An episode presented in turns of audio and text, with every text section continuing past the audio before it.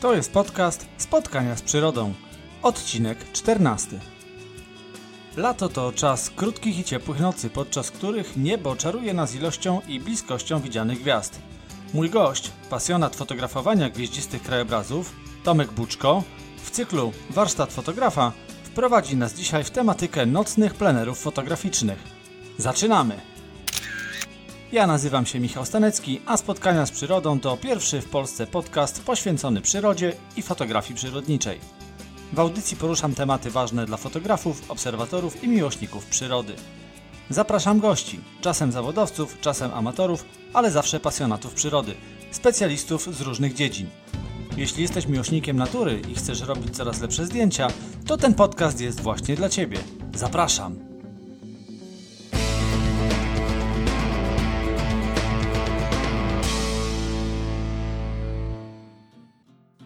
Miejsca ulubione. To nowy dział w moim podcaście. Będę w nim krótko opowiadać o moich ulubionych miejscach, w których mogłem fotografować. Do wielu z nich powracam i powiem Wam, czym mnie one oczarowały. Będą to głównie miejsca krajowe, ale od czasu do czasu zahaczymy też o lokalizacje zagraniczne. Część z tych miejsc zapewne znacie, ale może przynajmniej niektóre uda mi się w pewnym sensie dla Was odkryć, opowiadając o nich w jakichś konkretnych aspektach. Na pierwszy ogień idzie rejon Polski, w który od kilku lat jeżdżę systematycznie, czyli Polesie. Polesie obejmuje aż trzy kraje: Polskę, Białoruś i Ukrainę. Polska część to tylko fragment obszaru, który rozlewa się na ogromnych terenach u naszych sąsiadów. Polskie Polesie to wielka przyrodnicza perła, która zawdzięcza swą wyjątkowość temu, że branża turystyczna jeszcze mocno jej nie eksploatuje. Niech tak zostanie jak najdłużej. To właśnie to, że Polesie nie jest jeszcze zadeptane przez tłumy turystów, odróżnia ten rejon od innego cennego regionu wschodniej Polski, czyli Podlasia, które choćby w obszarach Doliny Biebrzy czy Puszczy Białowieskiej stało się bardzo modne i popularne. A co za tym idzie, pojawiają się tam turyści, powiedziałbym, mocno przypadkowi, którzy często nie doceniają przyrodniczych walorów tych miejsc i zakłócają spokój natury choćby głośną muzyką czy hałaśliwym grillowaniem. Na obszarze Polesia poruszam się głównie między dwiema lokalizacjami.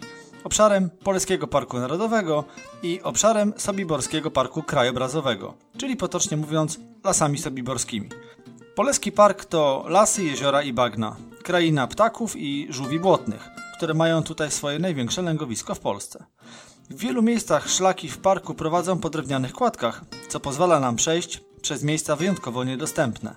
Takie ścieżki wytyczone są m.in. przez bagna czy nad torfowiskowe jeziora.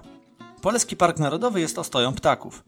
Rezerwaty obejmujące m.in. stare i nieeksploatowane już stawy rybne stanowią doskonałe tereny dla ptaków. To miejsca ich lęgów, ale także miejsca żerowania i odpoczynku podczas sezonowych migracji. Planując wyprawę do Polskiego Parku Narodowego, warto koniecznie przejść wytyczone ścieżki, spławy, czachary, perechot czy obóz powstańczy. Na tych szlakach poza drewnianymi kładkami udostępniane są także wieże i platformy widokowe.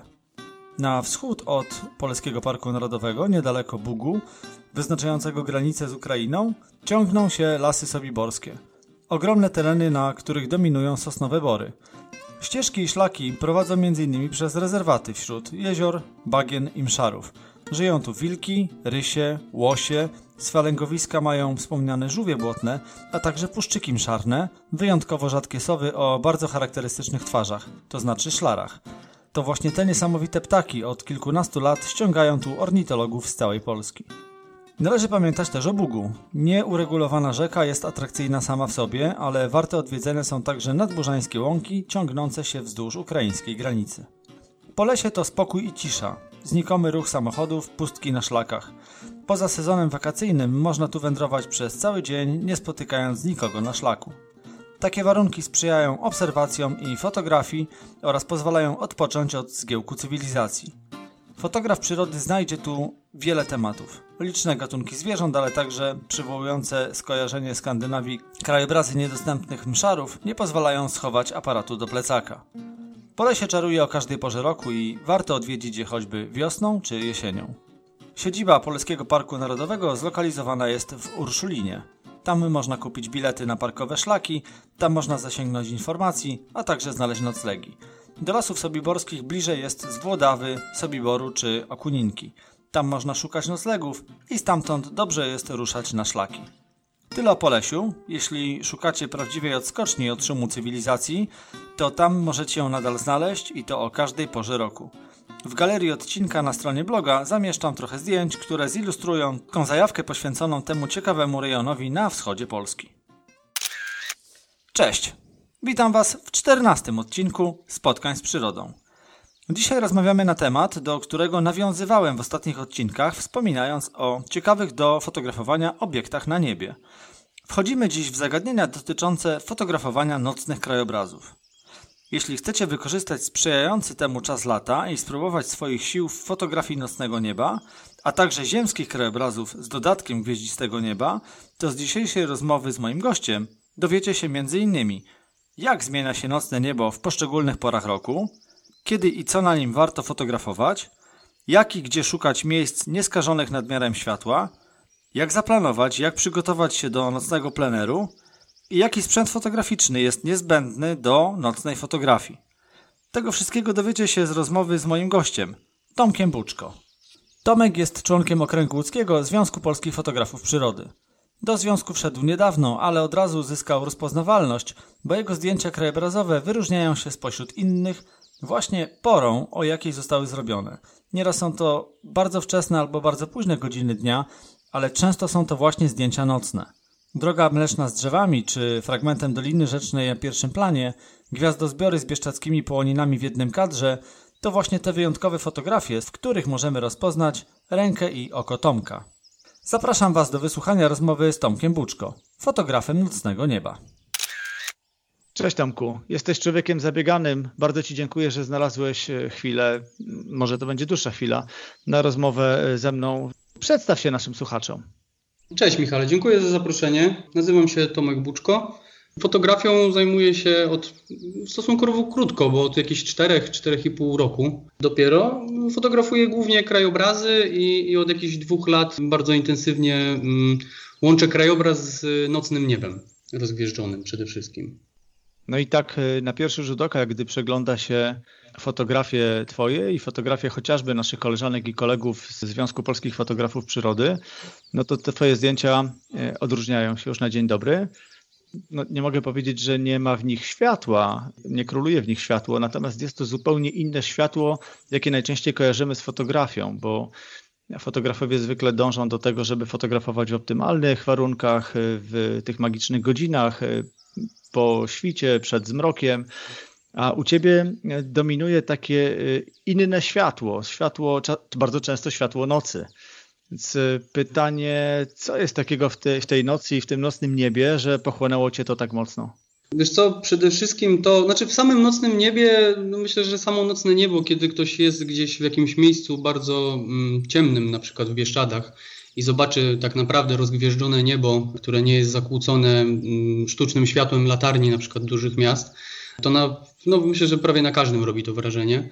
Natomiast w samej fotografii tego nocnego nieba najbardziej spodobało mi się to, że dzisiejsze aparaty potrafią zobaczyć w tym niebie dużo, dużo więcej niż ludzkie oko. I przede wszystkim na tym się e, bardzo, bardzo mocno skupiam, żeby, żeby pokazać, pokazać, co tak naprawdę w tym niebie się kryje, bo oprócz tych kropek, czyli gwiazd, na nocnym niebie mamy bardzo dużo obiektów, mgławic gazowych przeróżnych, e, przeróżnych kształtach, kolorach no i to w połączeniu z, z jakimś dobrym pierwszym planem, mm, no, według mnie wygląda, wygląda bardzo ciekawie. No, mnie to bardzo zainteresowało. Myślę, że jestem chyba na takim etapie, że nawet nie umiem tego jeszcze zdefiniować, co tak naprawdę mnie pociąga w tej fotografii nocnego nieba. Po prostu to robię. Tak. Wiesz, tak, tak jak powiedziałeś, faktycznie samo niebo i to, że jest nad nami, jest w tym coś e, urzekającego, tajemniczego i można śmiało powiedzieć, że wręcz kosmicznego. Natomiast każdy może fotograf e, dotykał tematów e, fotografowania nocą, fotografowania nieba. Natomiast no, trzeba, trzeba też powiedzieć jasno, że nie jest to łatwa dziedzina fotografii. No, nie od razu jest tak, że, że stawiając pierwsze kroki osiągamy efekty, które widzimy na zdjęciach no, naprawdę doświadczonych w tej materii fotografów. I tutaj powiedziałeś od razu, że w, czasami to nie chodzi o samo niebo, ale też skomponowanie z pierwszym planem, więc pytanie właśnie, czy to, czy to niebo, czy to jest taka konfiguracja y, trochę scenerii ziemskiej, nazwijmy to, plus niebo? Ja przede wszystkim zainteresowałem się fotografią krajobrazu i nadal ten szeroki kąt w zdjęciach najbardziej lubię. Dlatego też w moich zdjęciach przede wszystkim widać połączenie z, z, pierwszym planem. Oczywiście jest oddzielna jeszcze dziedzina e, astrofotografii, gdzie tam już na bardzo dużych przybliżeniach fotografuje się jakieś pojedyncze obiekty. Natomiast no, to jest dziedzina, do której, że tak powiem, w której dopiero raczkuję i jestem na takim etapie, że zaczynam wiedzieć, jak dużo nie wiem o tej fotografii i cały czas e, jej się uczę.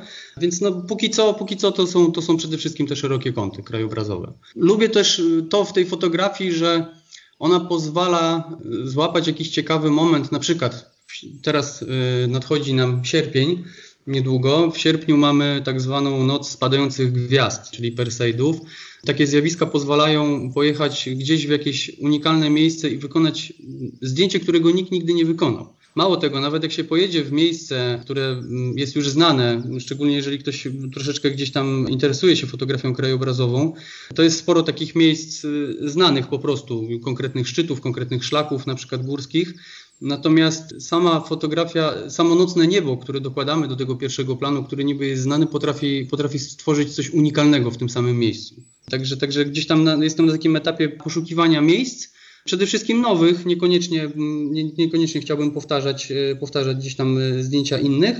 Natomiast e, te nocne niebo dodaje takiej wyjątkowości, takiej unikalności tym zdjęciom.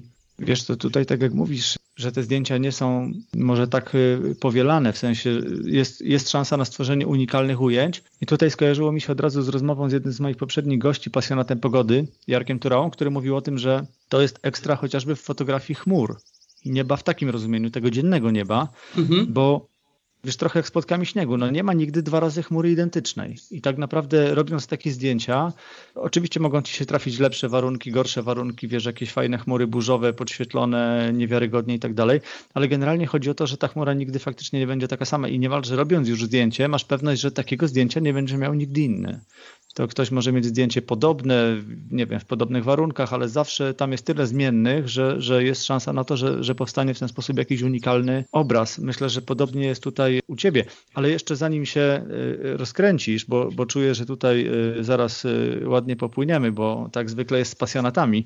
Natomiast wiesz, jedna, jedna rzecz, że dla zwykłego śmiertelnika to to niebo to jest taka trochę niewiadoma. Wiesz, ludzie kojarzą niebo z gwiazdami, najczęściej właśnie gdzieś, nie wiem, to sierpniowe niebo, to te gwiazdy się wydają tak takie, że są najbliżej, jest ich najwięcej. To takie zwykłe, proste skojarzenie.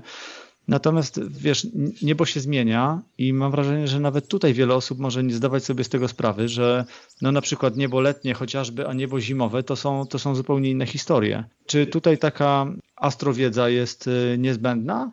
Jest niezbędna, natomiast nie na jakimś y, bardzo zaawansowanym poziomie. Jest mnóstwo też już dzisiaj aplikacji, w których możemy sobie dokładnie sprawdzić, o jakiej porze, mm, o jakiej porze roku, co będziemy widzieć na tym nocnym niebie. Na pewno jest to mniej więcej tak podzielone, że jeżeli chodzi o wiosnę, no to jest początek sezonu na drogę mleczną, no bo tak się jako Ziemia ustawiamy w nocy względem, względem wstęgi i tak zwanego centrum e, naszej galaktyki, że w nocy wstęga drogi mlecznej wychodzi prawie że w poziomie nad horyzont i dosyć i bardzo nisko nad horyzontem e, ona już się zaczyna. Bardzo majestatycznie to wygląda, więc e, wiosna jest takim sezonem, można powiedzieć, na, na samą drogę mleczną. I jest taki topowy moment, kiedy, kiedy ten widok jest najlepszy, kiedy ten obraz jest najlepszy? Może zacznijmy od tego, że żeby robić nocne zdjęcia i żeby one wychodziły jak najlepiej, to musimy robić te zdjęcia, kiedy mamy księżyc w nowiu, czyli kiedy go nie ma bo jednak te odbite światło słońca od y, tarczy księżyca mocno zakłóca naświetlanie nocnego nieba. Księżyc jest po prostu wielką latarnią. Dokładnie, dokładnie tak. Więc od tego trzeba zacząć, że, że zawsze robimy zdjęcia nocne, kiedy mamy księżyc w nowiu, bądź kiedy ten księżyc jeszcze nam w nocy zachodzi, no bo też, y, też są takie noce, gdzie księżyc na przykład zachodzi o 23, więc jeszcze trochę godzin y, nocnych zostaje tego ciemnego nieba do, do fotografowania. Marzec, tak naprawdę kwiecień, jeszcze maj to jest sezon na, można powiedzieć, drogę mleczną, taką w, w pełnej krasie swojej. Jeżeli chodzi o czerwiec i lipiec, wtedy nam się zaczynają, przynajmniej w Polsce, zaczynają się tak zwane białe noce, czyli słońce w nocy chowa się około 15 stopni pod horyzont i powoduje to, że tak naprawdę nie mamy mm, super ciemnej nocy. Można oczywiście robić te zdjęcia, jednak one nie, nie będą wychodziły z takim dobrym detalem, z taką, z taką dobrą szczegółowością tych e, obiektów e, na nocnym niebie. Natomiast jest to fajny sezon na obłoki srebrzyste. Obłoki srebrzyste, czyli chmury, które są w najwyższej partii w atmosferze. Właśnie teraz mamy na nie sezon i jakieś pół godziny, 40 minut po, po zachodzie można je obserwować. Oczywiście one też nie zawsze się pojawiają. E, ciekawostką jest to, że e, do tej pory jako ludzkość nie wymyśliliśmy jeszcze, jak prognozować te obłoki srebrzyste. Jesteśmy w stanie je przewidzieć na jakąś godzinę, dwie, trzy przed zachodem słońca, czy one będą dzisiaj, czy ich nie będzie, ale nie możemy ich prognozować na kilka dni w, w przód. Zdaje się, tak? przepraszam, wejdę ci słowo, jeśli dobrze pamiętam, bo niedawno też o tym czytałem i wspominałem nawet o tym w jednym z e, ostatnich podcastów, że ten okres Zdaje się właśnie od maja do sierpnia, jeśli dobrze pamiętam, tak mówiłeś? Tak, od maja do, do sierpnia. Znaczy od maja, od maja, od czerwca bardziej, od czerwca, czerwiec, lipiec, sierpień. E, sierpień. Że, że, że, faktycznie to jest ten czas, kiedy to słońce gdzieś tam się, się chowa między, nie wiem, 5 a 15 stopni za, za horyzont tak. i, i że jest, a i że to ciekawe, no nawet nie do końca chyba jest jedna taka pewna teoria, czym są te obłoki, czy jak powstają, że, że to może być pył z meteorów plus jakieś kryształki lodu, no jest tam coś na rzeczy, natomiast faktycznie wyglądają spektakularnie, bo widziałem niektóre zdjęcia. Mhm. E, wygląda to naprawdę fajnie. Na takim e, mocno niebieskim, granatowym niebie po prostu jasne. No, trzeba to zobaczyć, nie? No, nie będziemy tutaj aż tak poruszać wyobraźni. Załączę po prostu takie zdjęcie do, do opisu tego odcinka na, na stronie bloga i tam będzie można sobie zobaczyć, o czym my tutaj mówimy. Okay. Czyli trzeba na nie polować. Dokładnie, trzeba na nie polować. Osobiście jestem w kilku grupach e, astrofotograficznych na, na Facebooku, gdzie mamy tam pozakładane takie posty, które każdy obserwuje i są wrzucane po prostu alerty. Więc e, tak Czyli generalnie prawie teraz... Jak u, prawie jak u obserwatorów ptaków, że pojawia się rarytas nad, nad Bałtykiem i, i, ludzie z całej Polski wsiadają w auto, jadą w nocy nad morze, żeby rano zobaczyć e, super rzadki gatunek. Mhm. Tak tutaj fotografowie zapaleni nieba potrafią pewnie się przemieścić niezły kawałek, żeby gdzieś tam być w dobrym miejscu i czasie. Zgadza się, zgadza się. No, generalnie od czerwca plecak mam cały czas e, spakowany, baterie naładowane, karty wyczyszczone i, i jeśli, tylko, jeśli tylko czas pozwala i dostaję taki alert, no to, to, to jest dosłownie jak strażak. No, 5 minut i jest akcja. I, I, jest akcja i od razu szybko w samochód i gdzieś tam jadę w teren. No dobra, bo pewnie cię wybiłem trochę z myśli. Chodziło o to, że najlepszy czas wiosną droga mleczna, Teraz tak. w tym okresie powiedzmy lata, gdzie krótkie białe noce, mówimy umownie białe noce, to czas obłoków srebrzystych. Mhm, Co tak. dalej? Dalej mamy sierpień. W sierpniu wracamy już z powrotem do y, super ciemnych nocy. No sierpień jest taki y, chyba najbardziej spektakularny i, i znany przede wszystkim y, przez, przez, myślę, większość, może nie większość, wiele osób, niekoniecznie nawet związanych gdzieś tam z fotografią, czyli tak zwana noc spadających gwiazd, sierpniowe, ciepłe noce. Wchodzimy wtedy w tak zwany rój Perseidów, teorów. O tyle one są znane przez to, że ich potrafi spadać nawet około setki, ponad setkę w ciągu godziny. Kiedy wchodzimy w maksimum, maksimum zazwyczaj jest między 10 a 12-13 sierpnia. E, wtedy jeszcze drogę mleczną e, widzimy nad e, niebem w Polsce, natomiast ona już jest wtedy pionowo. Także tutaj można robić ciekawe pionowe kadry, takie łączone ze sobą, tak zwane panoramy jeszcze dodatkowo. No i taka fotografia wtedy polega na tym, że no ustawiamy aparat na statywie i robimy jedno zdjęcie za drugim, jedno zdjęcie na drugim. Przesuwając aparat. Tak, to, to raz, żeby zrobić tą panoramę, natomiast z nadzieją, że akurat trafimy w trakcie naświetlania, że ten Perseid nam wpadnie w ten kadr. Jasne, jasne. Sprawa jest złożona, nie, nie jest lekko. Później wchodzimy już w tak zwane konstelacje e, zimowego nieba. Droga mleczna, e, droga mleczna nam się w nocy chowa. E, to właśnie o, sam jeszcze nie umiem tego w 100% dokładnie wytłumaczyć, natomiast no wiadomo, jako Ziemia się obracamy i sama Ziemia obraca się po swojej orbicie wokół, wokół Słońca, więc gdzieś tak od września, października, bardziej już listopada, zaczynamy w nocy widzieć konstelacje zimowe. I samą drogę mleczną, czyli te tak zwane centrum, które mogliśmy obserwować wiosną, to ono jest dostępne nad naszym niebem, ale w ciągu dnia, więc tego nie zobaczymy. Natomiast pojawia nam się druga część ogona drogi mlecznej, o może tak to nazwę, która może jest mniej spektakularna pod kątem wyglądu i struktury tej mgławicy y, drogi mlecznej, tego wyglądu. Pojawia nam się tak zwana konstelacja Oriona. Konstelacja Oriona, która dookoła siebie posiada sporo fajnych takich y, mgławic, które y, pojawiają się na aparacie, kiedy zaczynamy później obrabiać w barwach czerwonych. I tu z kolei właśnie jest takie, zaczyna się takie polowanie troszeczkę na, na tego typu kadry. Tutaj wystarczy już obiektyw y, ogniskowy 50 mm, żeby całkiem ciekawie pokazać tą całą konstelację wraz z tymi towarzyszącymi gławicami. No i przez całą zimę, tak na dobrą sprawę, aż do lutego, aż do marca y, można, można sobie wtedy polować y, przede wszystkim na tego Oriona, przynajmniej ja na razie tego się trzymam i, i dopracowuję sobie tą konstelację Oriona na szeroko.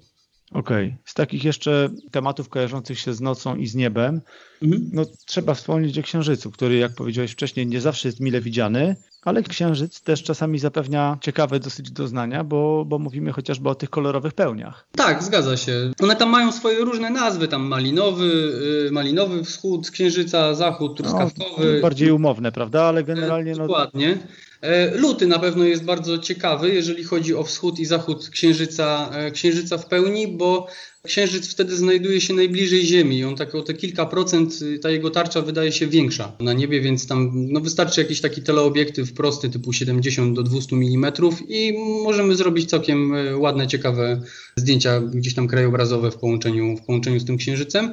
No i jeżeli chodzi o Księżyc, no to też zaćmienia. Ostatnie pełne zaćmienie Księżyca, jakie mieliśmy y, w Polsce było dwa lata temu, dwa lata temu w lipcu. Wtedy udało mi się popełnić taki pełen, jak to nazwę, kompozyt, cały taki przekrój tego zaćmienia. Czy te konsekwencje zdjęć, które pokazują od początku do końca, tak? Tak, dokładnie. I wtedy też w lipcu fajnie się to przy okazji złożyło, że wtedy też Mars był na swojej orbicie najbliżej Ziemi. I, i był dosłownie kilka, kilkanaście stopni w linii w pionie pod Księżycem, więc można było bardzo, bardzo fajne, efekciarskie, że tak powiem, zdjęcia zrobić i unikalne, no bo, bo, bo, takie, bo, bo takie połączenia zdarzają się tam raz na kilkanaście, kilkadziesiąt lat. E, też nie powiem dokładnie ile, są, są tabele dokładne tych wszystkich zjawisk, można, można sobie to wygooglować i, i, i, sprawdzić. Także tak, ten lipiec, lipiec był bardzo, bardzo udany pod tym kątem. Myślę, że też możemy, możemy później e, e, pokazać te zdjęcie. Jasne. Wrzucimy jako ilustrację kilka Twoich zdjęć, żeby słuchacze mniej więcej też mieli odniesienie do tego, o czym mówisz. A w takim razie jeszcze chciałem zapytać o te pory nocy bo z jednej strony stwierdziłeś, że tutaj jakby warunkuje nas ten księżyc, że, że nie chcemy, żeby to był czas, kiedy on nam przeszkadza. Czy w jakiś sposób można tutaj, no nie wiem, czy to w powiązaniu z porami roku, określić, jakie pory nocy są optymalne do, do fotografii nocnego nieba? Czy to robi jakąś różnicę? Czy to będzie 23, czy to będzie druga, czy piąta? To zależy od pory roku i też oczywiście tak, te godziny, godziny są ważne, bo na przykład, jeżeli w marcu wybieramy się na fotografowanie drogi mlecznej, to ona mm, całą swoją okazałość nam pokazuje ponad horyzontem razem z, z tym tak zwanym centrum drogi mlecznej. To też jest takie umowne centrum drogi mlecznej, e, nie, nie fachowe określenie. Akurat ona nam się w marcu pojawia tak między godziną trzecią a czwartą, kiedy już koło czwartej zaczyna nam świtać, więc tak na dobrą sprawę w marcu mamy dosłownie tam z 40 parę minut, żeby, e, żeby wykonać te zdjęcie. W kwietniu, w kwietniu już gdzieś od godziny 1.30 możemy zacząć fotografować, więc mamy troszeczkę więcej na to czasu. W maju gdzieś tak od godziny około 12, 12 e, w nocy. Bardzo przydatnym oprogramowaniem, aplikacją jest e, Stellarium. Jest to bezpłatne oprogramowanie, e, które możemy sobie zainstalować na komputerze. W formie aplikacji na telefony jest płatne, ale to też jest tam kilkadziesiąt złotych, więc nie jest to coś bardzo drogiego. I w Stellarium możemy sobie wskazać dokładną lokalizację po szerokości geograficznej i minuta dosłownie po minucie sprawdzać w jakim kierunku, co będziemy widzieć na, na nocnym niebie, więc y, bardzo to ułatwia przygotowanie mm, do, do wyjazdu na jakikolwiek plener. Super. To tutaj też zalinkujemy w takim razie y, na, mhm. na, stronie bloga, żeby można było się do tego odnieść. No a co z tym zanieczyszczeniem światłem? Bo to już takie pojęcie, które niestety weszło do, do naszego języka w rozumieniu utrudnień w chociażby obserwacji natury. Wiem, wiem po sobie, że mieszkając w mieście, w dużym mieście, bo mieszkamy w Łodzi, inaczej zupełnie wygląda niebo, gdy patrzy się z osiedla, nawet z parku, który mam tutaj kawałek dalej, dosyć dużego. A wystarczy przejechać na zachód y, niecałe 30 km, gdzie mam z kolei działkę i tam z perspektywy no, niedużego lasu, gdzie, gdzie patrzy się na niebo, to jest zupełnie inna, inna historia. Więc mhm. rzecz jasna, że pewnie im dalej od, od tego światła, tylko co, no, takie mapy powstają i tych miejsc pewnie jest niewiele, nie? W jaki sposób to wpływa na miejsca, które wybierasz na swoje plenery? Czy to jest kluczowe y, przy wyborze y, miejsca, miejsca na plener? Mm, no i jeśli tylko mogę, to wybieram Bieszczady. Bieszczady są w Polsce e, najciemniejsze pod tym kątem. Generalnie w, w Bieszczadach po godzinie 22, e, to jest umowne przede wszystkim w Parku Narodowym, we wszystkich miejscowościach, e, nawet tych takich małych, tam okolicznych, po godzinie 22 czy 23, jeśli dobrze pamiętam, są wyłączane w ogóle wszystkie lampy sodowe. Polecam komuś, kto oglądał nocne niebo tylko z perspektywy miasta albo gdzieś tam wyjechał, tak jak ty wspomniałeś, że masz gdzieś działkę tam 30 km od y, większego miasta. Jeżeli ktoś w Bieszczadach jeszcze nigdy nie widział nocnego nieba, no to polecam chociaż pojechać tylko po to, żeby na nie popatrzeć. Bo spotykałem się już po prostu z takimi reakcjami, że e, ktoś, kto pierwszy raz widział w tak ciemnym miejscu nocne niebo, y, mówił, że ma ochotę dotknąć tych gwiazd po prostu. Ich się robi nagle tak dużo na tym nocnym niebie, Drogę mleczną nawet można zaobserwować gołym okiem. Także y, no coś, coś rewelacyjnego. Polecam, polecam na pewno każdemu. Są mapy, Light Pollution Map, wystarczy wpisać, y, wpisać w Google. Tak samo też i, i w, w, sklepie z aplikacjami na, na Androidzie czy, czy iOSie, gdzie dokładnie możemy sprawdzić, jak mocne natężenie tego sztucznego światła jest w danej, y, danej lokalizacji.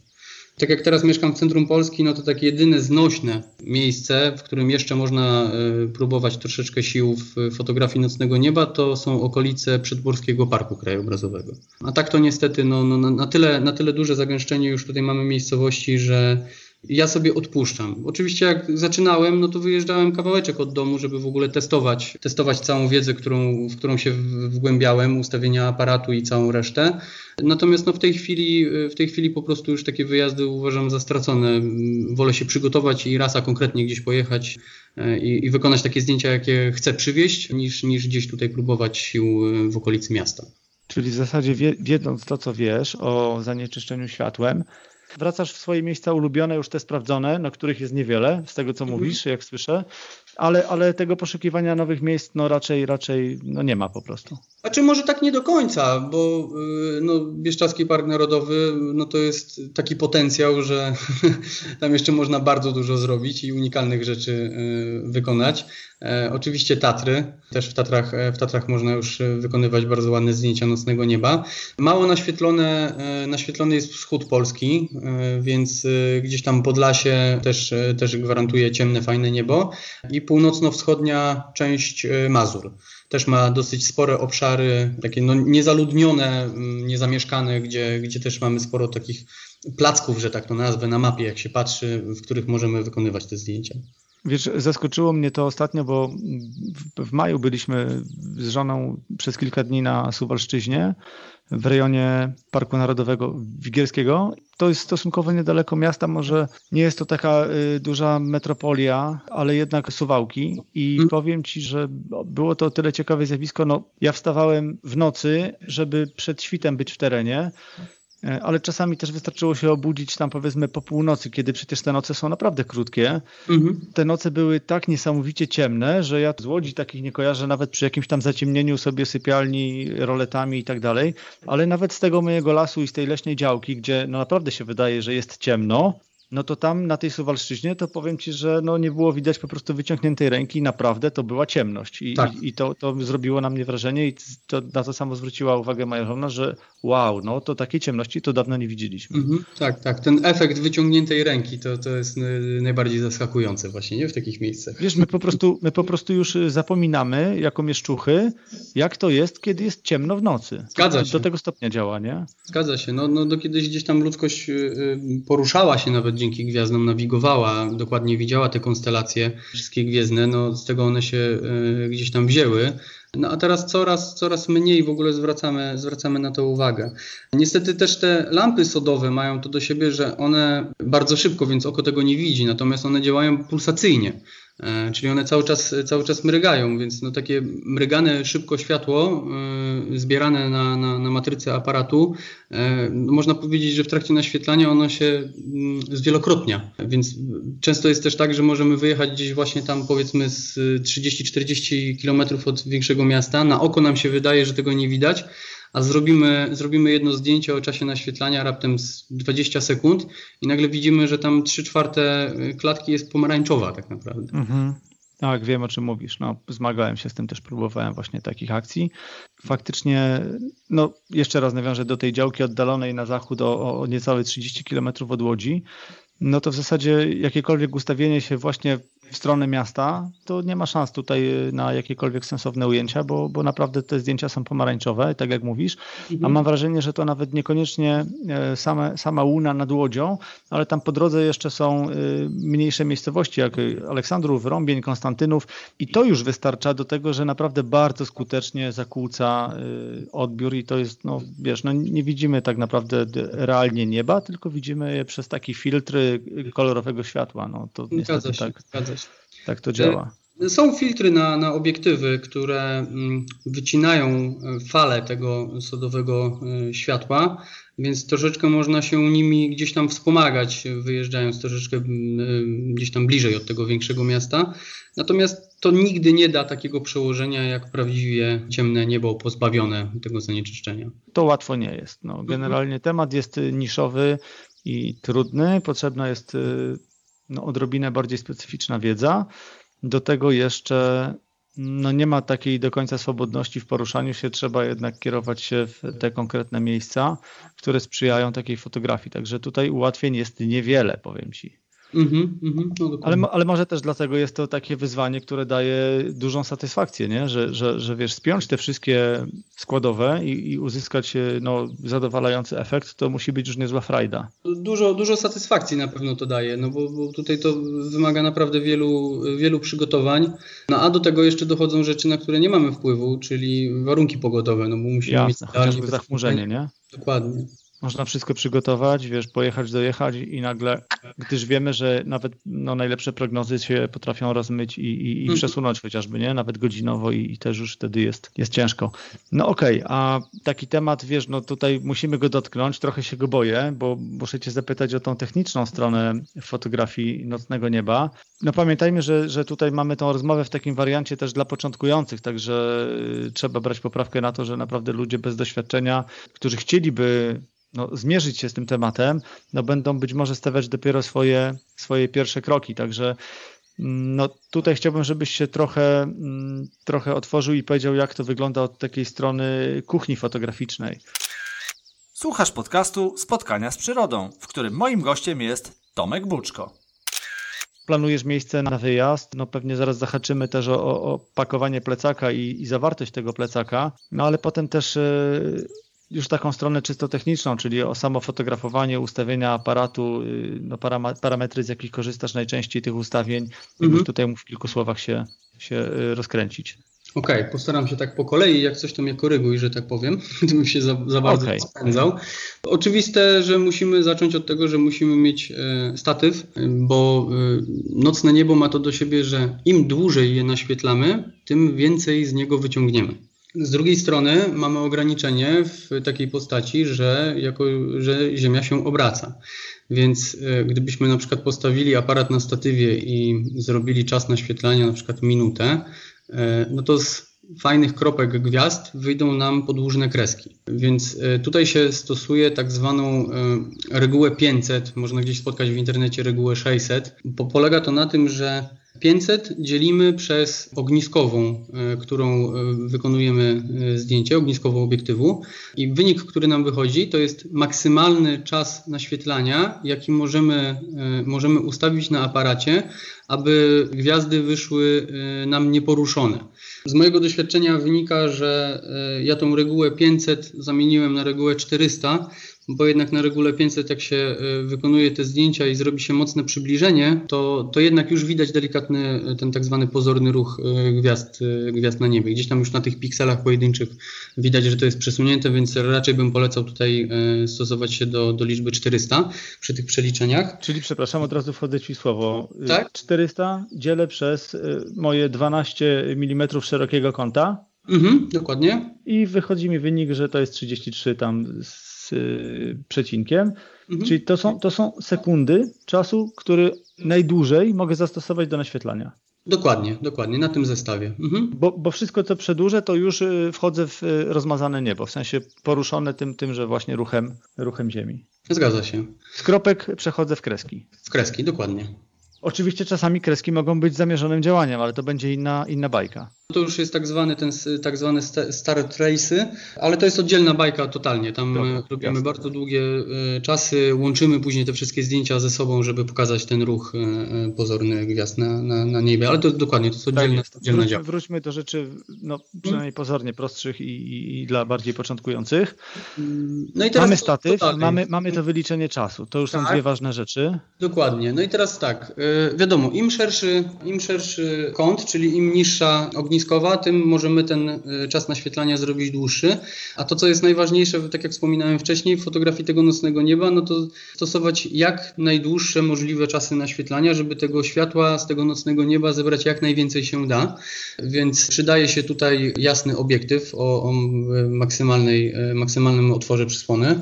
Przynajmniej takie, ja, ja przynajmniej polecam, żeby to było chociaż 2-4 e, bądź, e, bądź więcej. No i w tym momencie jeszcze dochodzimy do ISO, które, które w tym momencie musimy podnosić. No i tu już kwestia, kwestia tego sprzętu, tego aparatu, który mamy, no bo wiadomo, że im te ISO podniesiemy No wyżej, na ile nam po prostu pozwoli, żeby to zdjęcie no, było jeszcze akceptowalne, nie? Od strony technicznej. Dokładnie, dokładnie. także to, to już kwestia, kwestia aparatu, jak on sobie tam radzi z tym, e, z tym szumem, który nam... I, wiesz, i, i tutaj też jest taka odwrotność do tego, bo generalnie fotografia fotografowie krajobrazu zwykle starają się dążyć do tego ustawienia jak najniższej czułości. No, w miarę możliwości czasami to jest nawet 50 czy, czy 100, a tutaj chyba jednak przy tak niskiej e, czułości no, nie będzie szaleństwa. Tutaj jednak trzeba się liczyć z tym, że ta, ta czułość musi być podbita. Tak, zgadza się. Natomiast ja też bardzo mocno walczę z tym, jak e, każdy fotograf krajobrazu, właśnie, żeby te zdjęcia były jak najostrzejsze, jak naj, najdokładniejsze pozbawione tego szumu, więc dzięki y, no, oprogramowaniom typu Photoshop, typu Sequator też jest takie oprogramowanie, ono jest akurat bezpłatne, robi się tak zwane stakowanie zdjęć nocnego nieba. Polega to na tym, że ustawiamy aparat y, na, na, na, tym naszym statywie, mm, wyliczamy ten czas naświetlania, ustawiamy wysokie ISO, na przykład 3200 i na pilocie, y, na pilocie do aparatu, na którym możemy sobie ustawić serię na przykład zdjęć, jedno po drugim. Wykonujemy taką serię, na przykład 10-15 zdjęć jedno za drugim dokładnie tego samego kadru.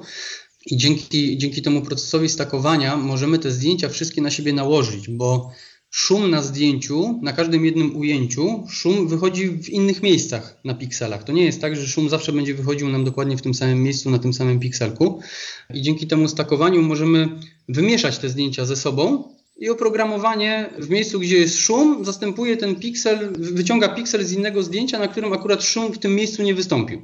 Czyli niweluje po prostu. Niweluje to, dokładnie, dokładnie tak. Także tu y, polecam, polecam, jak ktoś będzie nawet jechał pierwszy raz, to od razu nastawić się na to, żeby, żeby zrobić kilka, nawet kilkanaście ujęć, bo e, można się naprawdę mocno zdziwić, jak, jak dużo idzie odzyskać wtedy z tych zdjęć. Także myślę, że to jest wszystko, co trzeba zrobić, żeby rozpocząć tą fotografię nocnego nieba. Ten sam proces stakowania również można stosować do pierwszego planu. Tutaj nie ma co ukrywać. 100% zdjęć, które widzimy nocnego nieba w internecie, w których to nocne niebo jest takie wyraziste, takie e, bardzo e, bogate w detal, właśnie nie widać na nim szumu, to te zdjęcia są składane. Jedni mówią, że, że to już nie do końca jest fotografia, a bardziej wchodzenie w grafikę. No ja się tutaj nie zgodzę akurat, jeżeli faktycznie robimy to, co widzieliśmy i to, co mieliśmy zaplanowane i to, co mieliśmy w kadrze w, tym, w tej pierwszej na przykład pojedynczej klatce, gdzie mieliśmy ten, e, ten, ten kawałek, na przykład tą jedną trzecią pierwszego planu i dwie trzecie tego nieba i, i możemy sobie tu pozwolić na te składanie, choćby dlatego, że technicznie nie jesteśmy w stanie inaczej tego wyciągnąć. Więc robi się zazwyczaj e, oddzielnie e, ujęcia na nocne niebo, a później oddzielnie ujęcia na, na ten pierwszy plan i, i łączymy wtedy już ze sobą te dwa zdjęcia w jakimś, jakimś tam programie graficznym. To w takim razie powiedz jeszcze, co nosisz w plecaku? Taki, jakbyś miał powiedzieć, taki niezbędnik nocnego fotografa. Okej. Okay. Znaczy tak, sprzęt wiadomo cały fotograficzny, o którym teraz opowiadałem. Ja tutaj wspomnę tak pokrótce, wiem, że to jest skierowane do, e, do początkujących, natomiast e, polecam każdemu początkującemu wpisać sobie chociaż w przeglądarce, w wyszukiwarce w Google coś takiego jak zestaw paralaktyczny. Bo to jest taka głowica, którą przymocujemy sobie do statywu i wtedy do tej głowicy przymo e, przymocowujemy sobie aparat i ta głowica powoduje nam to, że aparat nam się obraca razem z ruchem obrotowym Ziemi i dzięki temu możemy wydłużać czasy naświetlania nawet do 4-5 minut. Bez poruszenia tych gwiazd. Także, także tu dopiero wtedy tak naprawdę można powiedzieć, że się odkrywa tą fotografię nocnego nieba, bo, bo efekty są rewelacyjne w momencie, kiedy, kiedy sobie to zastosujemy. Więcej o tym powiem, gdyby się okazało na przykład, że słuchacze, słuchacze by cię tam podejmą temat. Tak, podejmą temat, dopytywaliby o to, to możemy coś dograć jeszcze. E, nie ma problemu. No bo, no bo to też pewnie nie jest tania zabawa. W sensie tani mm, gadżet? Taki e, prosty zestaw, e, głowicę taką prostą, paralaktyczną e, do fotografii na szeroko, czyli tam powiedzmy do, do tam 100 mm, maksymalnie 200 mm, chociaż tu już wtedy wchodzimy w jakieś tam pojedyncze obiekty na niebie, ale powiedzmy takie tam do, do 50 mm ogniskowej. Taki zestaw kosztuje nieco ponad 1000 zł, więc porównując to do cen dobrych obiektywów, jakby w ogóle do, do cen całej tej naszej pasji, jaką jest fotografia, sądzę, że stosunkowo to nie jest wcale jakiś e, duży wydatek, a no jeżeli ktoś, e, jeżeli ktoś się w to wkręci, to... to no tak, to, jak kogoś to wciągnie, pójdzie w tym kierunku, no to wtedy jest do rozważenia taka inwestycja. Dokładnie. Ale też e, no warto jest chyba zacząć jednak od tych rzeczy prostszych, o których mówiłeś i, mhm. i jakby no dać sobie szansę, żeby to poczuć i wtedy dopiero wiedząc już, że to jest faktycznie jakiś kierunek dla nas, dopiero wchodzić głębiej i, i zacząć ewentualnie też inwestować w droższe zabawki, nie? To chyba jak z każdą dziedziną fotografii, która dokładnie. wymaga jakiegoś doposażenia. No dobra, a... a Wracając do plecaka. No właśnie, tak, bo rozumiem, że korpus plus obiektywy, to tutaj jakbyś mógł trochę uszczegółowić? Mm, może tak, w moim Nawet nie chodzi mi o marki, tylko wiesz, chociażby właśnie jakieś zakresy ogniskowych i tak dalej. Okej. Okay. Ja zawsze jak się wybieram, to mam jeden obiektyw 15 y, mm stały ze światłem 2.4 mam i drugi mam 50 mm i to w zupełności, w zupełności mi wystarcza. E, oczywiście aparat, zapasowe baterie, bo, bo tutaj mocno eksploatujemy ten aparat, bo czasy naświetlania są długie i wykonujemy serię tych zdjęć. E, więc tam czasami łączne czasy naświetlania potrafią mieć i po kilka godzin po całej takiej nocy, więc, więc musimy się zabezpieczyć w dodatkowe baterie. U mnie zawsze są dwa powerbanki, do tego ładowarka, pod którą mogę właśnie wpiąć, wpiąć się powerbankiem do, do baterii od aparatu. Przydaje się też bardzo taka mm, podgrzewana osłonka na obiektyw, szczególnie na przykład wiosną, jeżeli jedziemy, albo zimą już w ogóle, jeżeli jedziemy gdzieś robić zdjęcia, bo w trakcie naświetlania może nam się zbierać, zbierać wilgoć na obiektywie, e, więc są takie fajne specjalne nakładki na obiektyw, które dookoła obiektywu zakładamy, podpinamy do powerbanka i on lekko podgrzewa ten obiektyw. Ciekawe. To też w takim razie wrzucimy jakiś link, żeby pokazać e, jak taki gadżet hmm. wygląda. Okej. Okay. Statyw oczywiście, mm, z racji, że, że jak gdzieś tam sobie upodobałem mocno te bieszczady, y, no to, to jakby nie uznaję kompromisów i u mnie statyw musi być ciężki, metalowy. Jeszcze i tak dociążam go często jak gdzieś wieje y, jakimś plecakiem od spodu. No i tak, dużo wody. Jasne. No, no rozumiem, że tego klasy, klasycznego sprzętu tak, pomocniczego tak, Pewnie nieraz kalosze, nieraz tak, y, tak, in, inne ciuchy, no powiedzmy, no tak jak do, do zabezpieczenia się na chociażby chłodną noc, nie? Tego tak, typu. Tak. Można się zaopatrzyć y, w laptopa z jakimś dobrym filmem, bo wbrew pozorom ta fotografia nocnego nieba, kiedy już dojedziemy na to miejsce, ustawimy ten aparat, będziemy mieli odpowiednie warunki. To chcesz powiedzieć, że nuda? W którymś momencie zaczyna się nuda, bo jak już wszystko poustawiamy i włączymy play, i zaczyna nam się zbierać tak, e, e, ten materiał, zaczyna nam się to wszystko naświetlać i na przykład nastawiamy się na to, że dany kadr będziemy naświetlać godzinę, no to jak włączymy play, no to mamy godzinę z głowy i nie, nie wolno nam tego dotykać po prostu. Mm, Więc w tym momencie warto, warto sobie znaleźć jakieś zajęcie dodatkowe e, przy, przy okazji. Także e, jeśli oczywiście jest to miejsce, w którym można, no to rozpalam sobie ognisko, gdzieś tam oczywiście kilkadziesiąt metrów dalej, żeby czasami to światło, światło od ogniska mi tam nie, nie, nie zakłócało kadru, mm, żeby czasami się też nie, nie trafiło na matrycę. No, generalnie ja też łączę y, swoją taką drugą zajawkę, która się nazywa bushcraft i, i jakby jedno z drugim fajnie mi się łączy, bo ustawię ten aparat na, na statywie, y, wszystko co trzeba, włączę naświetlanie, a w międzyczasie mogę sobie tam zająć się budowaniem jakiegoś swojego mini obozowiska. I, no bo bushcraft to powiedzmy inaczej, jest to taki specyficzny rodzaj naturalnego biwakowania, prawda? Tak można to Dokładnie, tak, tak. Nie jest, nie jest to survival, to jest takie świadome wyjście w teren przygotowane kiedy już idziemy przygotowani w ten teren, e, wyposażeni w jakieś tam podstawowe narzędzia do, do zrobienia mini biwaku, e, zrobienia sobie małego schronienia, namiotu, tarpa, rozłożenia mm, w tą stronę dokładnie. Czyli rozumiem, że zdarza Ci się, że to nie jest tak w Twoim przypadku, że jak jedziesz na plener taki e, nocny, to że jedziesz powiedzmy na godzinę pierwszą w konkretne miejsce, fotografujesz do trzeciej, no oczywiście mówię przykładowo, zwijasz manele i wracasz do domu, tylko zdarza ci się pojechać po prostu na taki biwak i łączysz jakby jedno z drugim, czyli fotografię właśnie z taką przygodą nocnego biwaku. Dokładnie. Znaczy, w moim akurat przypadku y, zazwyczaj kończy się to tym, że to są jakieś powiedzmy 2-3 dni, w których śpię może 2-3 godziny na dobę. No bo, bo z racji, że też y, y, bardzo lubię fotografię krajobrazową, no to każdy zachód słońca, wschód słońca też przy okazji na, na danej lokalizacji jest y, zaliczany, fotografowany, więc później w ciągu dnia trzeba się przemieścić na przykład na inną lokalizację, więc tam na, na ten sen to zostaje czasami z 2-3 godziny w ciągu dnia. No to tutaj jeszcze wrócę i zahaczę do tego, o czym chyba wspomniałem na początku, że e, fotografowie krajobrazu gonią zwykle za światłem tym optymalnym, a, a u Ciebie się zdarza dużo takich fotografii, które są wykonane już gdzieś y, o zmroku, kiedy tego typowego słonecznego światła w zasadzie takiego nie ma. Potrafisz wydobyć właśnie z takich półmroków, mroków, czasami jakiejś, jakiegoś gęstego lasu i tak dalej, y, niezłe klimaty, więc tutaj, tutaj też y, no, taka trochę nisza mimo wszystko. Być może, chociaż znaczy, ty, to jest ty też tak, tego nie postrzegasz. Ja tego tak nie postrzegam, ale to też z racji, z racji takiej, że ja się tym mocno interesuję, więc, więc mam dużo fotografów, którymi się inspiruję i wiadomo, jak już się w czymś siedzi, no to człowiek się tym otacza i przestaje zauważać, że faktycznie dla kogoś innego to może być coś unikalnego. A słuchaj, potrafisz tak y, z pamięci na szybko podpowiedzieć y, w ramach inspiracji, nie wiem, jedno, dwa nazwiska, jeśli chodzi o fotografię y, gwiazd nocnego nieba? Przede wszystkim Michał Ostaszewski. Polecam. No, od, gdzieś tam od niego mi się bardzo, bardzo mocno E, bardzo mocno zajął, e, zaczęła wkrętka w ogóle w tą nocną fotografię, jak zacząłem za, oglądać jego zdjęcia. E, generalnie no to już jest naprawdę, to już jest taki pasjonat, on już, już, już tylko tym żyje.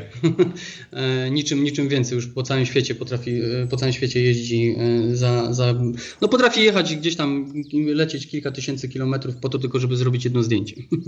Okej. Okay. Choćby na przykład w zeszłym roku, jak mieliśmy pełne zaćmienie słońca, które można było obserwować e, w Ameryce Południowej, no to na przykład specjalnie do Chile e, przez cały rok się przygotowywał na, na, na wyjazd po to, żeby, żeby wykonać tam, e, tam ujęcia tego, tego zaćmienia. Także polecam, strona jest na Facebooku, jego ma swoją stronę internetową, także myślę, że każdy... To też, to też wrzucimy na bloga i też po, no, notatek do tego odcinka zamieścimy link.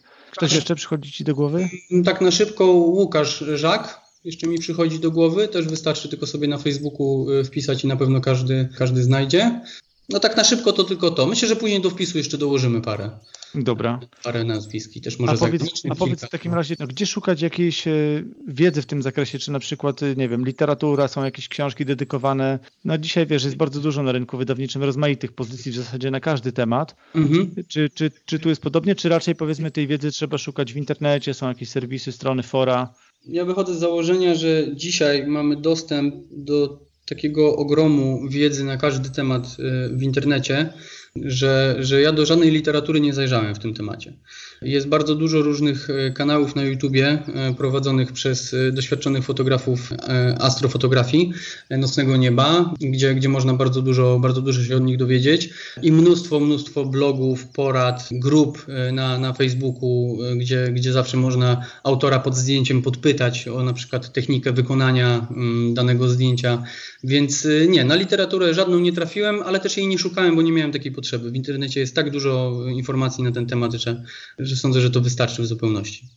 Okej. Okay. Teraz jeszcze przyszło mi do głowy takie pytanie, czy podczas swoich tych nocnych y, wypraw, nocnych eskapad i, i biwaków, o których wspomniałeś, zdarzały ci się jakieś przygody, takie, wiesz, no niekoniecznie fotograficzne, że albo potrafił, nie wiem, ktoś cię zaskoczyć, albo ktoś mocno zainteresowany tym, że coś robisz, wiesz, w nocy gdzieś w jakimś miejscu, e, potrafił się, nie wiem, pofatygować do ciebie bardzo często, znaczy szczególnie jeżeli gdzieś tam jeździłem w jakieś takie okolice, powiedzmy jakichś nizinnych rzek, e, pól, małych rezerwatów, bardzo często. To, to już jakby przyzwyczajony jestem do tego, że ludzie przychodzą i mówią, a co pan tu robi w środku nocy? Mhm. Mówię, no zdjęcia. A jeszcze zazwyczaj jest tak, że się siedzi przy ognisku na przykład y, solo. Też gdzieś tam to lubię, że takie, takie solo wypady. No, dziwią się ludzie na pewno. Ale po chwili rozmowy jeszcze mi się nie zdarzyło, żeby tam ktoś negatywnie do mnie podszedł. E, zawsze każdemu wyjaśniałem o co chodzi i było ok, chwilę porozmawialiśmy. E, zdarzało się trafić na właściciela danego terenu i, i nie było żadnego problemu z tym, że tam przebyłem. Wiesz co, nie, nie, niedawno rozmawiałem, ja już o tym wspominałem, rozmawiałem o pogodzie, o prognozach z pasjonatem meteorologii. Rozmawialiśmy właśnie o tym, jak y, prognozy, jakim są narzędziem dla fotografów. Co Ciebie w prognozach pogody najbardziej interesuje? Czy to jest kwestia zachmurzenia? Przede wszystkim, tak, tak, tak, tylko i wyłącznie. Gdzieś tam szukam też, wiadomo, na przykład y, różnic w temperaturach, no bo to daje szansę na to, że wystąpią mgły na przykład. Jeżeli jesteśmy gdzieś na jakichś y, terenach nizinnych, no to niekoniecznie ta mgła pomaga, no bo stoimy w tej mgle i, i w tym momencie ogranicza nam ona widoczność e, nocnego nieba. E, natomiast e, w górach no jest to bardzo pożądane, no bo, bo te zdjęcia do, dostają krajobrazowe jeszcze większej unikalności, kiedy na przykład trafimy na takie warunki, że doliny mamy zamglone. No to świetnie to wygląda na zdjęciach, przynajmniej dla mnie. Chociaż nie udało mi się jeszcze trafić tych warunków, więc, więc jeszcze, jeszcze na Wszystko przed tobą. Dokładnie, dokładnie. Będę polował na pewno. Czyli też trzeba te warunki umieć po prostu wykorzystać, bo wiesz, jak powiedziałeś o mgłach, to w pierwszej chwili pomyślałem o sytuacji, w której po prostu nie da się fotografować nieba, mhm. bo mgła tego nie ułatwi, ale z drugiej strony tę mgłę w odpowiednich warunkach można fajnie wkomponować, jeżeli jest taka możliwość, no to wtedy masz już nie dodatkowe bajery, dodatkowy element magii. Dokładnie, dokładnie. Też taka różnica temperatur, na przykład nad jeżeli jesteśmy nad jeziorem gdzieś e, i chcemy fotografować te niebo, no to taka delikatna mgiełka unosząca się nad jeziorkiem e, plus nocne rozgwieżdżone niebo, no, no też to robi wrażenie. Bardzo ładnie to na zdjęciach wychodzi. A słuchaj, jak ktoś stawia pierwsze kroki, powiedzmy, no rzecz jasna, że nie wyjedzie od razu w Bieszczady, bo chce się dopiero z tym zmierzyć, zobaczyć, czy w ogóle, wiesz, y, będzie mu to szło i czy, i czy ten temat jakoś mocniej go zainteresuje. Mhm. No a jest mieszczuchem taki ktoś, to, to czy w tej sytuacji, no bo mówiliśmy, że tutaj z punktu widzenia takiego zaawansowanego fotografa nocnego nieba, no to raczej odpada, zdecydowanie nie ma o czym mówić. No ale powiedzmy gdzieś już na peryferiach miasta, no warto próbować, czy to, czy to warto, nie ma sensu? Warto, jeżeli ktoś zaczyna, to jak najbardziej Mówimy warto. o treningu, wiesz, o takim tak, typowo tak, szkoleniowym tak. podejściu. E, u mnie tak to oczywiście też wyglądało, że na początku tylko kawałek gdzieś tam wyjeżdżałem e, po, poza miasto. No i świetne jest to, jak zaczynamy się w to wciągać i robimy w tym takie małe powolutku postępy. Jedzie się raz, robi zdjęcie pierwsze i nagle patrzymy na tym małym wyświetlaczu na aparacie i widzimy drogę mleczną. No to to jest, ja osobiście miałem ciarki na plecach, jak pierwszy raz zobaczyłem e, dobrze skadrowaną, e, ostrą. Właśnie, nie powiedzieliśmy jeszcze o ustawieniu, nie powiedziałem o ustawianiu ostrości. To, jest no, to tak, to kluczowa sprawa, jasne. E, I, I nagle się okazuje, że ta droga mleczna jest, a co jest jeszcze najfajniejsze, to że jak wyjedziemy takie 30-40 kilometrów od miasta, to drogi mlecznej gołym okiem w ogóle nie widać na tym nocnym niebie. Ona dopiero, ona dopiero się nam pojawi, e, jej e, zarys nam się dopiero pojawi na wyświetlaczu, wyświetlaczu aparatu. Także to też jest, e, też jest, też to robi fajne wrażenie. No, czegoś nie widać, a nagle widać. No i widać i to też raczej mówimy w tej perspektywie tych powiedzmy, nie wiem, 20-30 sekund raczej naświetlania, nie? Tak, tak, tak, zgadza się oczywiście. No dobra, to teraz jeszcze wróćmy do, do ostrości, bo to jest dosyć, dosyć istotna sprawa, kluczowa wręcz, a, a faktycznie nie, nie wspomnieliśmy o tym. Tak. Y, no bo y, w takich warunkach, gdzie tego światła prawie nie mamy, autofokus, no jeszcze nie, nie spotkałem się z autofokusem, który by sobie z tym poradził. Jasne. E, chociaż no jeszcze wszystko przede mną, się pojawiają coraz to lepsze, wiadomo, aparaty. Natomiast ostrość, mówi się, że się ostrość ustawia na gwiazdy. I teraz y, jak to, jak to najlepiej zrobić? Oczywiście wyłączamy autofokus. Bardzo przydatne tutaj jest live view y, w aparacie, czyli podgląd na żywo na, na, na wyświetlaczu. I wtedy jest najlepiej na, na tym naszym nocnym niebie znaleźć jakąś najmocniej świecącą gwiazdę, ewentualnie gdzieś tam bardzo daleko w oddali jakąś tam pojedynczą latarnię, jakiś taki mocniejszy punkt, punkcik światła ustawiamy się na ten y, punkcik y, światła. Na live view robimy wtedy maksymalne zbliżenie na ten punkcik światła. Sobie tam przyciskamy od powiększenia i wtedy tak kręcimy ostrością, żeby ten punkcik światła był jak najmniejszy. W momencie, kiedy go uzyskamy jako taką najmniejszą, najdrobniejszą kropkę, to znaczy, że mamy ustawioną ostrość na gwiazdę. Także y, gdzieś tam pierwsze błędy, moje nawet jakie były, no to myślałem, że a ustawię sobie na tak zwaną nieskończoność i wszystko będzie ostre. No niestety nie. Znaczna część, y, szczególnie po bokach kadru, jest wtedy poza, poza ostrością.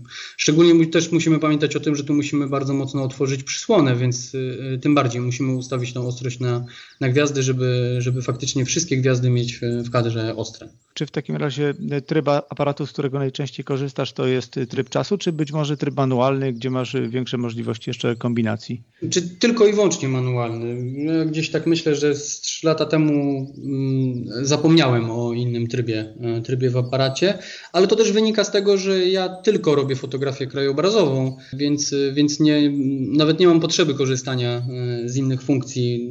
Zdaję sobie sprawę, że jakbym nagle przerzucił się na e, gdzieś tam fotografowanie na przykład zwierząt, to o wiele, o wiele prościej by mi się fotografowało wykorzystując inne, inne funkcje w aparacie. Natomiast przy, przy, przy krajobrazie jest to tylko i wyłącznie manualne. Zresztą obiektyw, który mam też jest manualny, jeżeli chodzi o ustawianie ostrości. A zapisujesz sobie jakieś ustawienia w aparacie w jednym z tych trybów, w których możemy, że tak powiem, zaprogramować swoje ustawienia, czy to raczej jest no, na, na tyle jakby specyficzna sprawa, że, że po prostu włączasz tryb manualny i za każdym razem sobie jakby od zera te parametry dobierasz? Nie, nie, dokładnie. To jest taką metodą troszeczkę prób, e, prób i błędów. W każdym miejscu to światło troszeczkę inaczej. No bo mimo, że to jest noc, to to światło tam jest, tylko, tylko potrzeba czasu, żeby je wydobyć. Trzeba je wydobyć, dokładnie. E, dokładnie, więc e, każda lokalizacja ma troszeczkę jakby inną, że tak nazwę, zawartość światła w nocy, więc raczej metodą prób i błędów. Jeżeli chodzi o ISO, no to takie, jak, jak, nie miałem jeszcze tego zestawu, e, tej głowicy, która mi tam obraca tym aparatem e, e, za ruchem obrotowym Ziemi, no to ISO przyjąłem sobie zawsze jako 3200, ale to też wynikało z tego, że, że to było metodą prób i błędów akurat do aparatu, który posiadam. Jakbym zmienił teraz aparat, no to musiałbym znowu po, potestować po prostu i popatrzeć, co mi, co mi tam najlepiej wychodzi. Mm, w momencie, kiedy już mam ten zestaw, tą głowicę, no to tak staram się więcej jak jak 1000 ISO nie, nie ustawiać, no bo już też nie ma takiej potrzeby. A słuchaj, jeszcze kwestia stabilizacji sprzętowej. Czy, czy, czy używasz jakiegoś trybu stabilizacji chociażby w korpusie aparatu albo, albo w obiektywie? Nie, i nawet nie powinno się używać. No właśnie, bo tu już przy tak długich czasach chyba Dokładnie, można, można sobie nawet popsuć te, popsuć te zdjęcie, bo, e, bo te, e, te wszystkie funkcje do stabilizowania tak naprawdę mogą nam wprowadzić w drgania w tym momencie e, aparat, matrycę i, i zdjęcia wyjdą poruszone mm, przez to. Czyli właściwie wszystko sprowadza się tylko do, do stabilizacji aparatu na statywie i to jest rzecz kluczowa, nie? Dokładnie. Jeśli wieje, no to, to, to należy dociążać jak, jak tylko się da ten statyw. Mhm. Okej, okay, no myślę, że, że fajnie przeszliśmy przez tą tematykę, bo z jednej strony wydaje się ona niełatwa i, i, i jest jakby duża, duża złożoność i, i, dużo różnych zmiennych, na które trzeba zwrócić uwagę. Nie na wszystko mamy wpływ, bo, bo można się tutaj rewelacyjnie przygotować sprzętowo i organizacyjnie i okazuje się, że rozjechała się prognoza pogody i zostaniemy chmury i możemy jechać do domu. No albo zostaje tylko ten biwak i ognisko na pocieszenie. Z drugiej strony jakby stawianie tych pierwszych kroków no nie musi być wcale trudne i, i, pewnie tu będziemy zachęcać do tego, żeby jednak spróbować. Kto nie próbował, żeby się z tym zmierzył, bo to też chyba rozwija jako i fotografa i człowieka, bo taka obserwacja natury od trochę innej strony, no to ta noc tutaj otwiera przed nami sporo i, i też y, w głowie otwiera dużo, nie? Mhm, jak najbardziej. Tym bardziej, że właśnie nadchodzi sierpień i, i ta noc spadających gwiazd i Noce są ciepłe, więc bardzo przyjemnie można spędzić czas na świeżym powietrzu y, w nocy, bo na przykład y, w tym roku w marcu, kiedy pojechałem właśnie do Przedborskiego Parku Narodowego rozpocząć sezon na, na drogę mleczną, no to trafiłem w warunki bezchmurne, ale w nocy było minus 16, więc no całą noc stałem praktycznie przy aparacie przy minus 16, no teren, teren parku krajobrazowego, więc tam ogniska raczej nie, nie powinno się palić, tym bardziej, że było bardzo sucho, no to, to, to tym bardziej odpadało. Także y, no to już wymagało ode mnie dodatkowych y, umiejętności. Przypomnienia sobie rozgrzewek z WF-u ze szkoły podstawowej. Przynajmniej co pół godziny. Gimnastyki. Żeby, żeby się gimnastyki dokładnie, a nawet i pobiegania trochę w tą i z powrotem z czołówką na, na, na głowie. A teraz możemy sobie bardzo przyjemnie wyjść y, gdzieś tam, gdzieś tam w teren i też dużo takiej radości i satysfakcji dają zdjęcia sierpniowe z tymi perseidami, bo jak trafimy te perseidy na, podczas naświetlania na, na zdjęciu, no to bardzo, bardzo fajne efekty daje. Czyli, czyli jeszcze można do tych y, trudności, o których mówiliśmy, to dodać to, że tak, no nie pośpisz, bo to w zależności od tego, czy na taką wcześniejszą nockę, czy, czy na późniejszą, no to albo się nie kładziesz i jedziesz, albo trzeba zerwać noc i jechać, albo całą noc poświęcić i wtedy połączyć, tak jak powiedziałeś, z biwakowaniem w terenie, co może być fajną przygodą. Z drugiej strony czasami, no, w zależności od pory roku, można trochę przemarznąć, czasami pewnie też jest wilgoć dokuczająca, czasami pewnie komary i tak dalej, i tak dalej. Mhm. No, ale to, to, to są wyzwania, które lubimy i, i za które też jakby no, mamy to umiłowanie do natury, także to mhm. trzeba chyba z tym żyć i umieć w tym odnaleźć radość. A słuchaj, tak na koniec już y, zupełnie, gdybyś miał dać jedną radę takim początkującym fotografom nocnego nieba, to co byś im mógł powiedzieć? Żeby wyjechali najpierw kawałeczek za miasto, wykonali jedno chociaż dobre, ostre zdjęcie tego nocnego nieba, powtórzyli to kilkukrotnie i później każdemu polecam na swoim błędzie, ja to nazywam błędem, polecam e, zebranie się i faktycznie pojechanie gdzieś w Bieszczady. I wtedy dopiero posmakowanie tego, tak. co, co naprawdę zobaczymy. Co, co jeżeli jeżeli ktoś w pierwszym momencie poza miastem złapie na to, na to zajawkę, e, to polecam mu od razu pojechać w Bieszczady, bo jak tam wykona pierwsze zdjęcie i obejrzy je na e, wyświetlaczu już aparatu, to myślę, że tu jest bakcyl murowany. Super. Wiesz, celowo też nie pytałem Cię o kwestię obróbki zdjęć i, i, samej postprodukcji, bo wiem, że to też jest dosyć rozległy temat. Zobaczymy, jak wiesz, jak zareagują słuchacze. Jeżeli faktycznie będzie tak, że, że będzie zainteresowanie w tym temacie jakby większe, no to mhm. najwyżej namówię Cię jeszcze może wtedy do trochę krótszej rozmowy, ale takiej bardziej ukierunkowanej już na, na, na postprodukcję, czyli wiesz, przynosimy zdjęcia, mamy je na karcie, no i co dalej? No bo tam pewnie jest kilka fajnych y, sztuczek, które można zrobić, żeby, żeby jednak zdecydowanie no, dużo z tych zdjęć wyciągnąć. Nie? To tutaj też pewnie warto by było o tym. Tutaj to jest tak naprawdę drugie dno tej fotografii nocnego nieba. No to właśnie. Jest coś, więc... czego cały czas się uczę i, i y, można się zdziwić, ale jedno ze zdjęć, z którego w tym roku jestem bardzo zadowolony, y, wiosennego właśnie z Bieszczad, cały proces obróbki trwał około 7 godzin. No, no to daj, daje to do myślenia, tak. To, to mhm. już nawet lekko przeraża, ale, ale okej. Okay. Dzisiaj zrobiliśmy pierwszy krok, yy, takie wejście w temat i jeżeli będzie na to zapotrzebowanie słuchaczy, no to po prostu zrobimy to jakby jako drugi, kolejny, wejdziemy głębiej w temat postprodukcji i uzyskiwania tych yy, super kadrów. Tomku, bardzo Ci dziękuję. Myślę, że fajnie naświetliłeś temat, że, że nie jest to już taka, wiesz, tajemnica ta noc, że, że, że ciemno i trudno, że wszystko jest do zrobienia. Trzeba przede wszystkim się trochę zaangażować, postarać, lekki wysiłek, no sprzętowo tak naprawdę można korzystać z tego, czym fotografuje się w dzień, bo tutaj na dzień dobry wcale nie trzeba inwestować w jakieś e, zabawki. Później być może tak, ale na początku nie, więc Zgadza. można się z tym zmierzyć. Ja sam, ja sam posiadam w tej chwili y, amatorski aparat jeszcze póki co, także tutaj nie, nie trzeba mieć jakiegoś naprawdę wypasionego sprzętu, żeby, żeby zacząć i, i, żeby nawet mieć jakieś tam w miarę ciekawe efekty. Teraz jeszcze Ci dziękuję. W takim razie do, do usłyszenia, do zobaczenia. Trzymaj się, cześć. Super, dzięki bardzo. Hej. Wysłuchaliście rozmowy z Tomkiem Buczko. Przed nami sierpień. Mamy teraz najlepszy czas do zmierzenia się z nocną fotografią. Sierpień nazywany jest miesiącem spadających gwiazd, więc warto teraz zarywać noce i skierować aparaty ostro w górę. Wiecie już wystarczająco dużo, aby rozpocząć swoją przygodę z łapaniem nocnych krajobrazów. Powodzenia! Kącik techniczny poprzednim odcinku wspomniałem o statywach. O ile faktycznie statyw jest jednym z podstawowych narzędzi fotografa, to zdecydowanie kluczowym elementem zestawu stabilizującego pracę aparatu jest głowica. Głowica to rodzaj uchwytu, który mocujemy na statywie lub monopodzie i do którego przykręcamy nasz aparat lub obiektyw. Sam statyw musi być solidnie wykonany i stabilny, ale to konstrukcja głowicy decyduje o tym, w jaki sposób możemy manewrować aparatem. Wśród wielu rodzajów głowic najczęściej wykorzystujemy głowice kulowe, gimbalowe, a także głowice 3D. Modele kulowe oraz głowice typu gimbal są stworzone do fotografowania sytuacji dynamicznych, np. ssaków w ruchu, ptaków w locie. Dzięki nim można ekspresowo zmienić położenie aparatu, bo głowice te umożliwiają szybką reakcję.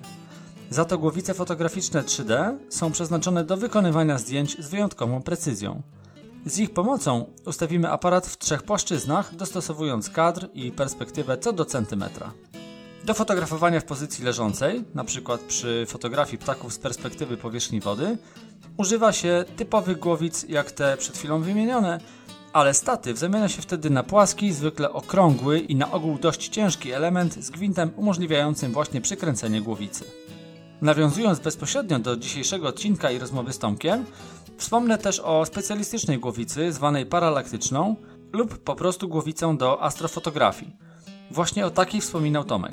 Taka głowica jest urządzeniem, które napędzane elektrycznym silniczkiem może podążać za ruchem dobowym nieba, wydłużając znacznie czas fotografowania, czyli naświetlania konkretnych obiektów. Głowice tego typu umożliwiają także fotografowanie w ustawionych interwałach czasowych, pozwalają robić astrozdjęcia złożone z jednej lub wielu klatek, pozwalają też wykonywać sekwencje typu time-lapse. Rekomendacje. Zobaczcie profil Tomka na Facebooku. Zajrzyjcie też na facebookową stronę projektu Cicho w ciemni, w którym Tomek uczestniczy. Polecam również facebookowe i instagramowe konta Michała Ostaszewskiego. Tomek wspomniał o nim jako o swojej inspiracji. To są dopiero kosmiczne zdjęcia. Koniecznie je zobaczcie. W notatkach zamieszczam linki. Z tematów aktualnych, ale niezwiązanych z dzisiejszym odcinkiem, chcę zwrócić Waszą uwagę na ciekawy pomysł zrealizowany właśnie przez Łukasza Supergana. Łukasz jest podróżnikiem znanym głównie z długodystansowych samotnych wypraw, podczas których przemierzył m.in. Karpaty, Alpy, Pireneje czy Islandię. Za swoje wyczyny nagradzany był kolosami i nagrodami Traveler National Geographic. Łukasz postanowił przez 5 dni obejść polską część Puszczy Białowieskiej, dokładnie wzdłuż jej krawędzi. Trasa jego wędrówki wyznacza linię, która mogłaby być granicą Parku Narodowego, gdyby cała Puszcza Białowieska została wreszcie objęta taką ochroną. Warto zobaczyć i poczytać. Na stronie odcinka zamieszczam link do relacji Łukasza z tej krótkiej wyprawy. Na koniec mam jeszcze krótki komunikat organizacyjno-techniczny. Zmieniła się szata graficzna mojego bloga, zmienił się również odtwarzacz podcastu, jaki jest i będzie zamieszczany na stronie wpisów poświęconych kolejnym odcinkom. Doszła też opcja pobierania odcinka w formie pliku MP3. Może będzie Wam to pasować. Mam nadzieję, że te zmiany się Wam spodobają. Dziękuję, że nadal słuchacie spotkań z przyrodą. Łączna liczba odsłuchań dotychczasowych 13 odcinków grubo przekroczyła już 2000 i bardzo cieszy mnie taki wynik. To dla mnie czytelny sygnał, aby działać dalej. W planach są już oczywiście kolejni goście i kolejne tematy. Teraz realizuję więcej odcinków typowo fotograficznych, bo chcę zdążyć z niektórymi sezonowymi tematami. Jeśli Wy macie jakieś pomysły na konkretne tematy, a może na konkretnych gości, koniecznie dajcie mi o tym znać. Zobaczymy, może uda się je zrealizować. Na tym dzisiaj kończymy. Dziękuję Wam. Naturalnie usłyszymy się już wkrótce. Cześć! Jeśli podoba Wam się mój podcast, to możecie go polubić w źródłach, z których go słuchacie. Możecie go subskrybować albo udostępniać swoim znajomym. Takie działania to dla mnie nagroda za wykonaną pracę, możliwość pozyskania nowych słuchaczy, a dla podcastu dodatkowa promocja. Dziękuję Wam za słuchanie kolejnych odcinków. Ten odcinek podcastu zrealizowano w ramach programu stypendialnego Ministra Kultury i Dziedzictwa Narodowego Kultura w sieci.